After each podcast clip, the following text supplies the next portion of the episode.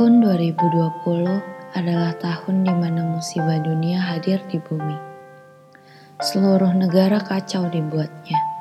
Banyak yang tiba-tiba di tahun ini. Semuanya terjadi begitu cepat. Ini bukan badai, karena jika badai, dia pasti akan cepat berlalu. Ini adalah sesuatu hal yang baru bentuknya. Membuat ketidakpastian itu adalah pasti semua manusia dibuat panik dan gelisah. Banyak yang terjatuh karenanya. Bumi jadi kacau, tapi semesta malah menjadi cerah. Mungkin semesta sedang rehat dari manusia, dan manusia sekarang dibuatnya rusak. Ada yang rusak jiwanya, ada yang rusak hartanya, ada juga yang rusak rumahnya. Entah sampai kapan harus terus begini. Tidak ada yang tahu, tidak ada yang berani ke mana-mana.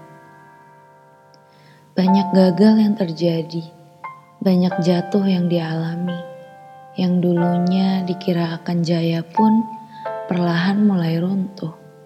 Ketakutan menjadi biasa, selalu disebarluaskan, entah yang mana yang benar dan yang mana yang salah.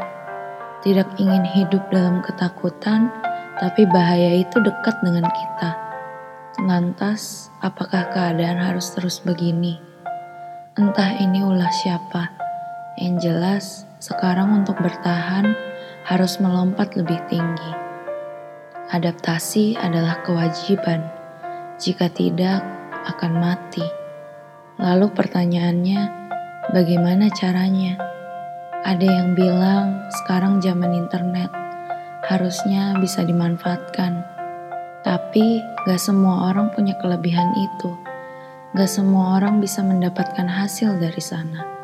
Kolam sudah penuh, tetap saja harus berdarah untuk bertahan. Sepertinya perang sudah dimulai. Untuk bisa bertahan dibutuhkan keberanian. Untuk bisa tetap hidup dibutuhkan hati yang dingin. Hidup menjadi sebuah kompetisi banyak yang bersua untuk saling membantu, tapi pada akhirnya tetap saja manusia memilih bertarung. Ini sudah alami, ini sudah insting bawaan. Inilah satu-satunya cara untuk bertahan. Tahun ini benar-benar kacau, meskipun ada pula pihak yang diuntungkan. Siapa yang tahu tahun penuh bencana menjadi tahun penuh berkat bagi seseorang? Ternyata bumi selalu bekerja seperti itu. Tidak ada yang selamanya. Yang selamanya itu hanyalah perubahan. Pantas saja manusia hebat beradaptasi. Lalu, sekarang apa yang bisa kita lakukan? Bertahan saja juga bagus katanya. Tapi jika hanya bertahan, bukannya sama saja akan mati nantinya harus bergerak, tapi bergerak ke arah mana? Yang dulunya yakin, sekarang menjadi ragu. Pertanyaan muncul setiap malam. Apa yang harus kulakukan? Tiba-tiba jawaban itu muncul dalam mimpiku. Aku harus melompat lebih tinggi.